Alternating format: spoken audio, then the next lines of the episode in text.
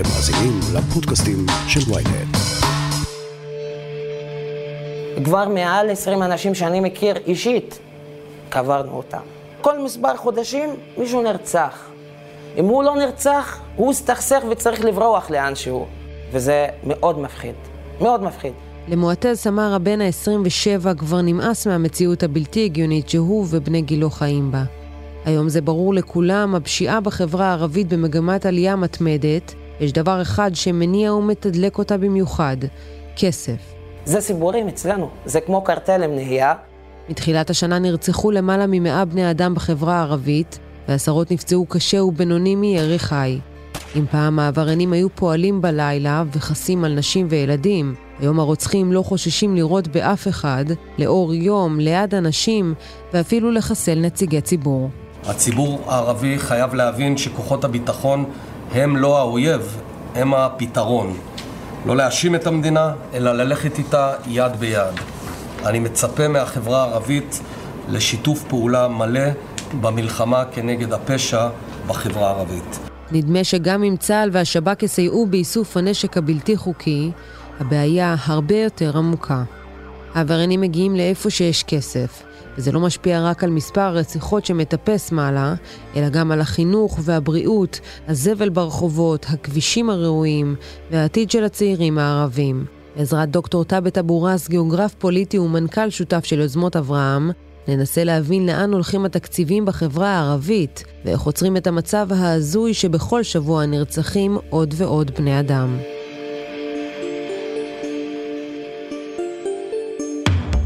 הכותרת, פודקאסט החדשות של ynet עם סיון חילאי. טאבט, איך הגענו למצב הזה של כזה חוסר ביטחון עבור התושבים ביישובים הערבים? אין ספק שהחברה הערבית עוברת תקופה מאוד קשה. היום האתגר מספר אחד שעומד בפני החברה הערבית, האזרחים הערבים, זה הביטחון האישי, פגיעת האלימות והפשיעה שהולכת ומתרחבת ומתגברת. אני חושב שיש הרבה סיבות לדבר הזה, אבל אני רוצה להזכיר שלא היינו במצב הזה לפני 20 שנה. אותם אנשים, אותם יישובים לא היו במצב הזה, וגם יש אנשים שמנסים להסתכל על זה כסוגיה תרבותית. אני רוצה להזכיר שאנחנו חלק מהעם, רק מעבר לקו הירוק, בשטחים. אותם אנשים אוכלים אותו אוכל, אותה תרבות, אותה שפה, אותו דת. אין להם את האתגר הזה. אני מנסה להגיד שהבעיה המרכזית כאן היא חוסר חוק וסדר בחברה הערבית. אחרי אירועי אוקטובר שנת 2000, האינתיפאדה השנייה, משטרת ישראל החליטה ממש לעזוב את היישובים הערבים. אמרתי לפני כן, לא היה לנו את זה. ואז כשאין חוק וסדר, הרבה אלימות ופשיעה קודם כל זולגת מהחברה היהודית אל החברה הערבית, וזה אחד הגורמים. אבל יש גם כן יותר כסף בחברה הערבית היום, יש יותר כסף ברשויות המקומיות, אחרי תוכניות ממשלתיות, ואנשים הולכים אחרי הכסף הזה, ניסיון להשתלט על רשויות מקומיות, יש ריב חמולות, וגם אני חושב שיש תחרות על משאבים דלים. עדיין, אני רוצה להזכיר לכולנו, יש עדיין אפליה כנגד הערבים. שליש מהרשויות המקומיות בארץ הן רשויות מקומיות ערביות. תחומי השיפוט שלהן הוא יותר קטן, כך שתעסוקה או תעשייה מניבה ארנונה היא פחותה, כמעט ולא קיימת. הערבים גרים רובם בפריפריה, בגליל ובנגב. אתה גר בקלנסווה, העיר נמצאת 25 דקות בלבד מכפר סבא, מרחק נסיעה קצר אה, מיישובים אה, בדרום השרון שנמצאים אה, במצב הרבה יותר טוב, וקלנסווה באמת נמצאת כל כך מאחור, הפערים כל כך גדולים. אנחנו גם רואים שהפשיעה באמת, כמו שאמרת, הגיעה גם לרשויות המקומיות. לפני כמה חודשים נורה אה, ונפצע קשה מנכ"ל העירייה. מה קרה שם? איך נוצר מצב שבעצם הפשיעה הגיעה גם לרשויות המקומיות? לא חסים על אף אחד. נכון מאוד, קלנסווה כמקרה הוא מקרה מאוד קיצוני. אני רוצה להזכיר שמאז תחילת השנה נרצחו חמישה צעירים בקלנסווה. גם הרציחות האלה היו במבצעים סמי אה, צבאיים כאלה, כך שהפשיעה מאוד משתכללת בחברה הערבית. אני חושב שבקלנסווה מצב סוציו-אקונומי באשכול שניים מתוך עשר, ממש למטה. יש הרבה עוני, יש הרבה בעיות, ואז יש תחרות על, על המשאבים הקיימים. עכשיו, הרשות המקומית היא המעסיק הגדול, זה המקום עם הרבה כסף יחסית לכל דבר אחר. לכן יש תחרות בין חמולתית, אבל גם בין ארגוני הפשיעה. ארגוני הפשיעה חדרו לקלנסווה כבר לפני עשור. אפשר למנות כל כך הרבה אירועים בקלנסווה בעשור האחרון. קודם כל נרצח כבר מנכ"ל אחד לפני עשר שנים. לפני חצי שנה היה ניסיון רצח לעוד מנכ"ל. ראש העיר ממש, הרכב שלו נשרף, היה מטען מתחת לרכבו של מנכ"ל אחר. אבל הדבר הכי חשוב, שבבחירות האחרונות הוסרה מועמדתו של מועמד כמעט בטוח לזכות בבחירות, בכוח, ביריות, באיומים, ואז הוא הסיר את מעמדתו 48 שעות לפני קיום הבחירות. אין ספק שפשיעה, קודם כל, אה, מערערת את הביטחון האישי של אנשים. אנשים מפחדים, אנשים אין להם ביטחון אישי, אבל יש גם כן, אני חושב שבעשור האחרון אנחנו לא רואים שכוחות מקצועיים נכנסים לעירייה לשירות אה, התושבים. אין הרבה כוחות מקצועיים, פקידים מקצועיים. יש מעט פקידים שעובדים בעירייה, אנשים שיוצאים לפנסיה לא מתחלפים, אז יש קריסה כזאת טוטאלית, פנימית. יש הרבה סכסוכים, אין קואליציה כמו שאמור להיות בכל רשות מקומית. העיר לא מנוהלת טוב מקצועית. עוד לא דיברנו על הפשיעה, כן? ואם נוסיף לזה עכשיו, גורם הפשיעה והאיומים על פקידי ציבור אה, בכירים, הטיית מכרזים, אז אה, אנחנו מגיעים לאנדרלמוסיה. איך אנחנו רואים את זה משפיע על מה שקורה ברחובות? אם אנחנו נסתובב אה, בקלנסווה או ביישובים ערביים אחרים, מה נראה? אתם תראו קודם כל תופעה מאוד מאוד מוזרה של השתלטות על מרחב ציבורי. ואף אחד לא עושה כלום כנגד זה. כשאני אומר אין חוק וסדר, אני אומר שזה קודם כל שהמשטרה לא מתפקדת, המשטרה מתפקדת רק במבצעים של אה, לתת דוחות על מסכות וזה בסדר, אבל בטח בטח יש אתגרים יותר גדולים כמו פשיעה ואלימות. יש משטרה בקלנסווה, לא תחנה אלא מסתובבת, אבל גם אתם רואים שהעירייה לא עושה כלום כנגד מפרי החוק. איך יכול להיות שני אנשים רוצחים אחד את השני, שני שכנים, אה, כי הם מתחרים על מרחב ציבורי, על גדה של ואדי שעובר בקלנסווה, בני דודים במקרה הזה, כל אחד אומר כולה שלי. ואף אחד לא עושה כלום. הוועדה המקומית לתכנון ובנייה לא מתפקדת, או במקרה הזה פקיד ממשלתי עומד בראשה, גם המהנדסת שהיא יהודייה וגם הפקיד, ראש הוועדה אצלנו יהודי, גם הם לא עושים כלום. דרך אגב, גם ניהול העירייה הוא לא טוב, על אף שיש חשב מלווה שהוא יהודי גם כן, כך שאני חושב שהמדינה לא עושה מספיק, משרד הפנים לא עושה מספיק, העירייה, ראש העיר לא מתפקד, אין לו ממש קואליציה, אבל גם ארגוני הפשיעה יושבים על העירייה ומנסים לעטות מכרזים ולנהל את העירייה מבחוץ. ההשתלטות אה, על המכרזים, אנחנו יכולים לתת אה, כמה דוגמאות אם מדברים על אה, פינוי הזבל ברחובות או על תוכניות שבעצם היו צריכות לדאוג לרווחת התושבים, אם זה בתחום החינוך והבריאות והבראה ותחומים אחרים. בעצם יש אנשים שקיבלו בעלות על המכרז הזה קיבלו את הכסף, אבל בסופו של דבר הכסף הזה לא מגיע לרווחת התושבים. מה בעצם אפשר לעשות עם זה? איך אפשר לעצור את הדבר הזה? אז הנה את נכנסת עכשיו לאזור המאוד רגיש, וככה אני צריך להיות זהיר בדברים שלי, כי גם אני יכול להיות מאוים, רק בגלל שאני מדבר, ואין הרבה אנשים שמדברים, כי אנשים מפחדים. אז את צודקת, מי שנותנים את השירותים, הם לא נותנים שירותים ראויים, על אף שהם מקבלים את הכל, ואנחנו עוד לא בודקים את המכרז ואיך קיבלו. אבל לא, לא יכול להיות שקלנסווה לא נקייה בצורה כזאת. צריך למשל שני רכבים כל לילה לאסוף את האשפה. בסוף רק רכב אחד אוסף את ההשפעה. וכך העיר נשארת לא נקייה. נסתכל על כבישים שרק נסללו לאחרונה, את רואה שקרום דק כזה של זפת בכבישים, כך שאחרי עונה אחת גשומה, אנחנו רואים שצריך לתקן את הכבישים האלה שוב. כך שהאיכות העבודה של הספקים היום היא לא טובה, השירות לא ניתן לאנשים, אנשים סובלים ממש, אני מדבר על יומיים אחרונים, מריחות, זוועה בגלל שריפות של כל מיני חומרים כימיים באזור של היישוב, ואף אחד לא עושה כלום. אז גם uh, ברשויות המקומיות, גם אלה שלא מעורבים uh, באותם ארגוני פשיעה ואמורים לנהל את התקציבים של הרשות המקומית, שאנחנו יודעים שברשויות הערביות התקציבים האלה בעיקר uh, ממה שהם מקבלים uh, ממשרד הפנים, תקציבים שיועדו לתוכניות שיכלו לשפר את uh, חיי התושבים uh, באותן ערים, אבל בסופו של דבר הכספים האלה לא מנוצלים, כי באותם uh, תפקידים יש אנשים שלא יודעים לנהל את התקציב הזה. אז קודם כל, הבעיה מתחילה בזה בעובדה שמגיעים נבחרי ציבור שלא יודעים לקרוא תקציב. אדם שמעולם לא ניהל משהו, אפילו קיוסק בחיים שלו, לא יכול לנהל עיר בסופו של דבר. וגם הוא רוצה לנהל את זה לבד.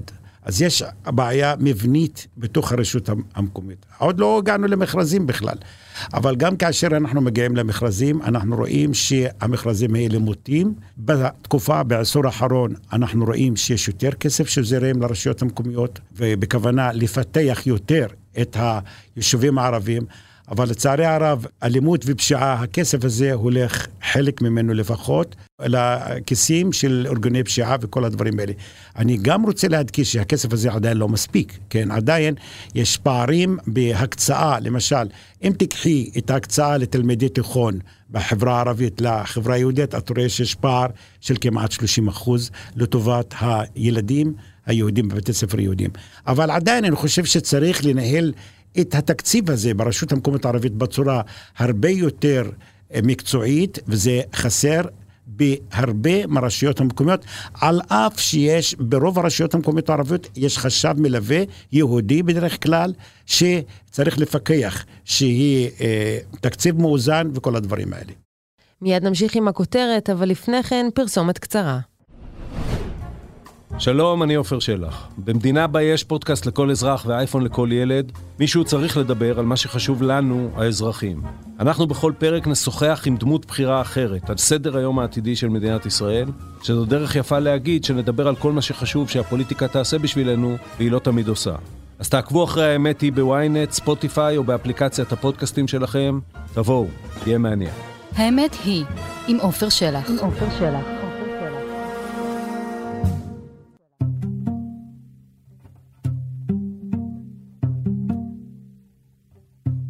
אנחנו יודעים שבממשלה ניסו לעשות תוכנית uh, לצמצום הפערים בין uh, החברה הערבית uh, לשאר אזרחי ישראל. הוקצה לה עשרה מיליארד שקלים, שזה הרבה מאוד כסף, שאולי באמת יכל לעזור, אבל בסופו של דבר הרשויות המקומיות ניצלו רק חצי מה, מהסכום הזה. אז מה הסיבה שזה קורה? איפה בעצם הכסף הלך, ולמה לא הגיע בסוף למטרה שאלה הוא יועד?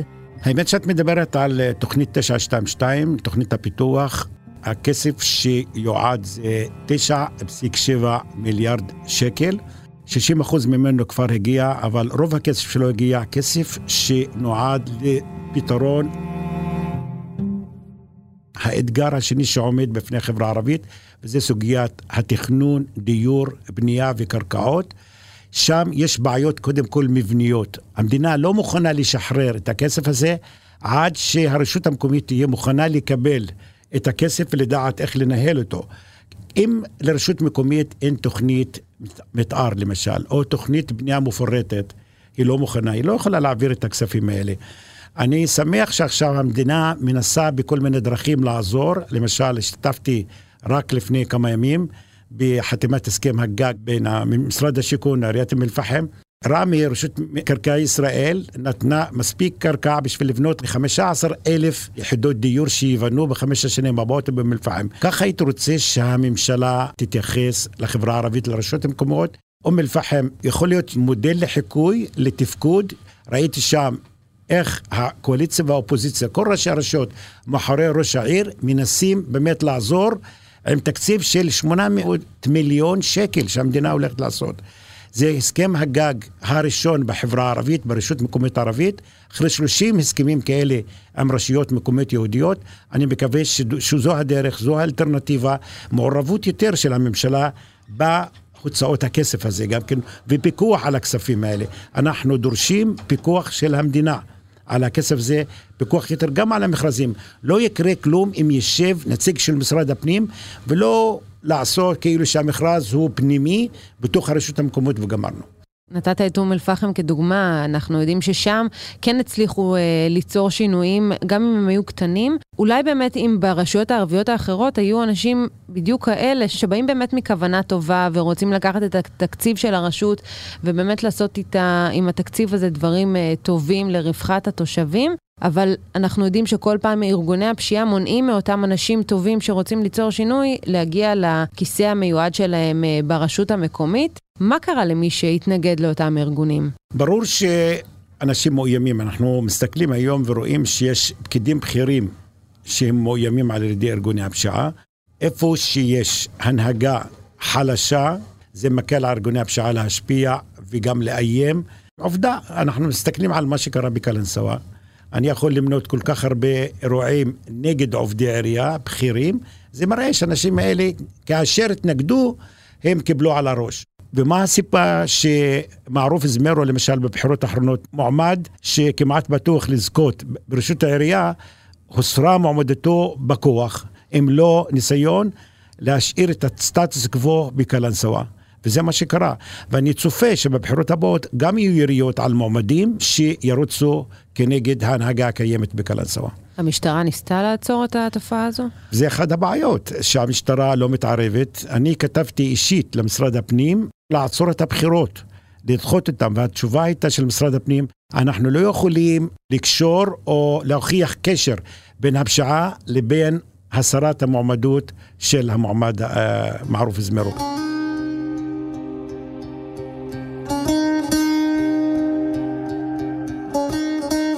אחוז הגברים המועסקים בחברה הערבית נמצא במגמת ירידה, בעוד שאחוז הפשיעה במגמת עלייה מתמדת. למעשה לצעירים הישראלים יש פיתוי חדש-ישן, כך אה, בשביל כסף נמשכים לתוך אה, ארגוני הפשיעה האלה. את צודקת מאוד. אני חושב שהיום, מה שאני רואה במו עיניי, יש מעמד חדש בחברה הערבית שנקרא תכיחה, היורים, או התצפיתנים. אלה אנשים, בני 16 עד 22, 23, מחוסרי מעש. 30 אחוז מהצעירים בקבוצת הגיל הזאת לא עושה כלום, לא לומדת ולא עובדת. והיא עובדת בק... כל היום, יושבת בקפה נרגילה, ואז קל מאוד ממש לגייס את הצעירים האלה כתצפיתנים או כיורים. מקבלים עשרת אלפים, חמש עשרה אלף שקל עם רכב, הם לא צריכים ללמוד ולעבוד. לכן צריך לתת תשומת לב למחוסרי המעש, לקבוצה הזאת, ולהשקיע בהם.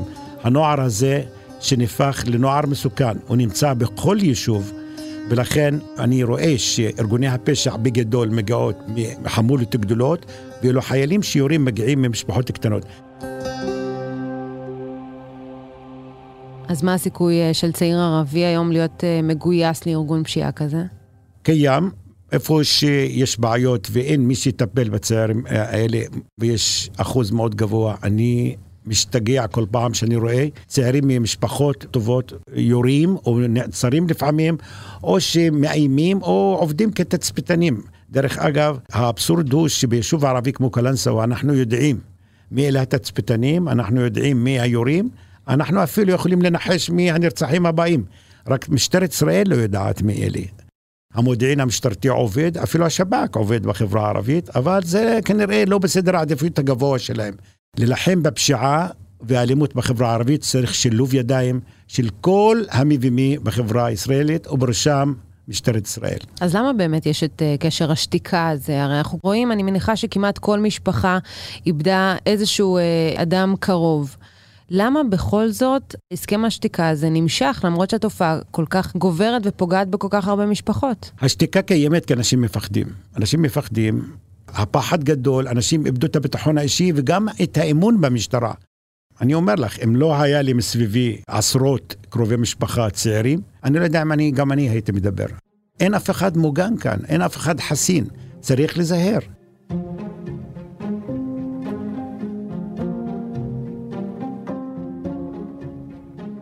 יש תחושה שאם זה היה קורה ביישוב יהודי, המשטרה הייתה מתנהלת אחרת?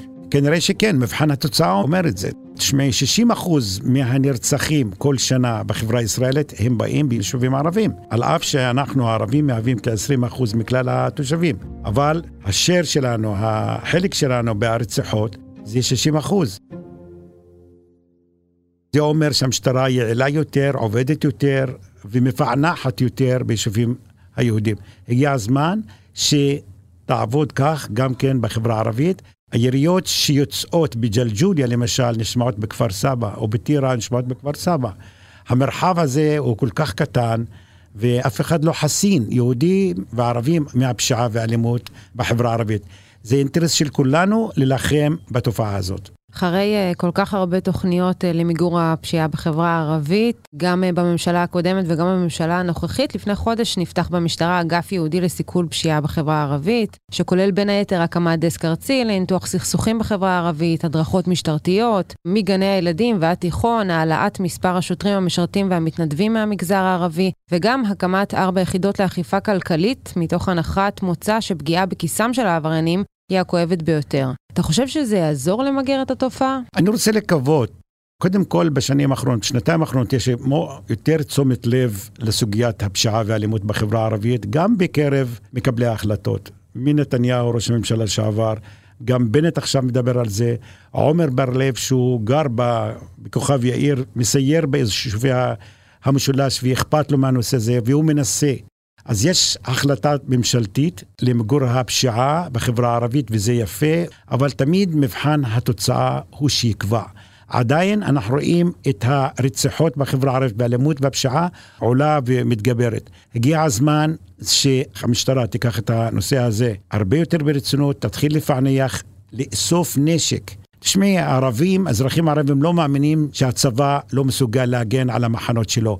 מעל ל-80% מהנשקים הלא חוקיים בחברה הערבית מגיעים ממחנות הצבא. לא יכול להיות שהצבא לא יודע להגן על הנשקים והמחנות שלו. אבל האמת שזה לא רק המשטרה, גם אנחנו אזרחים ערבים, ההנהגה שלנו יש לה תפקיד מאוד מאוד חשוב. לא יכול להיות שאנחנו ניתן כבוד לארגוני הפשיעה.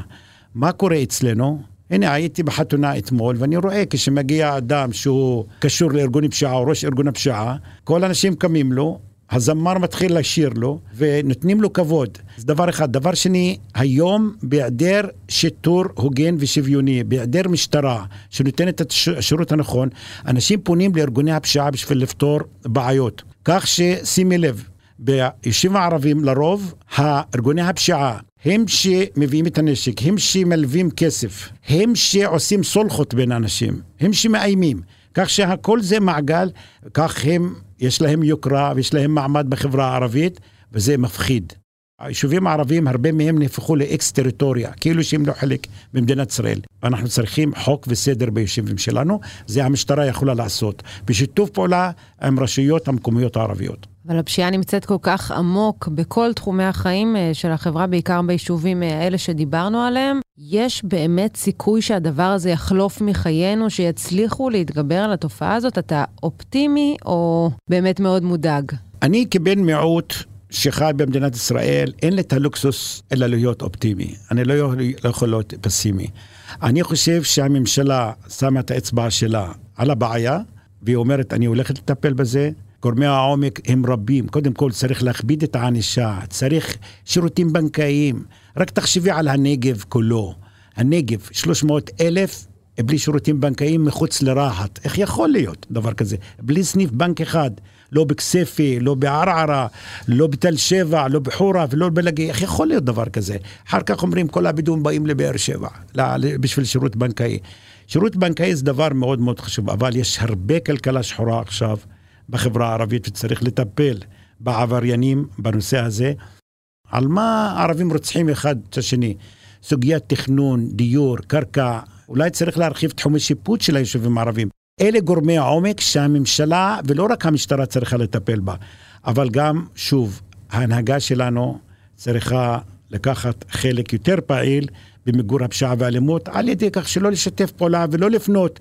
אני רואה לפעמים בסולחות בין חמולות, ארגוני פשיעה שעושים את הסולחות האלה. מי צריך אותם שם? אני אופטימי שאנחנו לא חייבים. לא היינו כך לפני 20 שנה, אנחנו לא חייבים להמשיך להיות כך. אנחנו צריכים ליזום, לשתף פעולה עם המשטרה במובן לעשות יותר, אבל הדרישה שלנו מהמשטרה שתתחיל לפעול, תקבל החלטה ותשתנה במובן שתפענח יותר ויותר. אנחנו נחכה כמובן לראות את היוזמות אה, מתקיימות בשטח ונקווה כמובן שנצליח להתגבר על אותה תופעה. דוקטור טאבט אברס, מנכ"ל שותף של יוזמות אברהם, תודה רבה לך. תודה רבה לך, ואני מבטיח שאנחנו ביוזמות אברהם, שלוקחים את הנושא הזה כל כך ברצינות. אנחנו כבר פועלים בנושא הזה מעל לעשר שנים. נמשיך לעקוב אחרי התפתחויות. אנחנו נמשיך לבקר גם כן את המשטרה וגם את ההנהגה הערבית, כדי להביא אותם לעבוד ביחד לטובת החברה הערבית ובכלל. עד כאן הכותרת להיום. אתם מוזמנים ומוזמנות לעקוב אחרינו בוויינט, ספוטיפיי ובכל אפליקציות הפודקאסטים באשר הן, וגם נשמח שתדרגו אותנו גבוה באפל פודקאסט, תשלחו את הפרק לחברים שעדיין לא שמעו את הכותרת של היום. אם יש לכם הערות, בקשות או רעיונות, אתם מוזמנים ליצור קשר באמצעות האימייל podcaststrudel.ynet.co.il או לפנות אליי ישירות דרך הטוויטר או הפייסבוק. עורך הפודקאסטים שלנו הוא רון טוביה, הפקה ערן רחמני, שחר ברקת וגיא סלם, על הסאונד ניסו עזרן, עטילה שומפלבי הוא גם חבר בצוות הכותרת. אני סיוון חילאי, מחר נהיה כאן שוב עם פרק נוסף.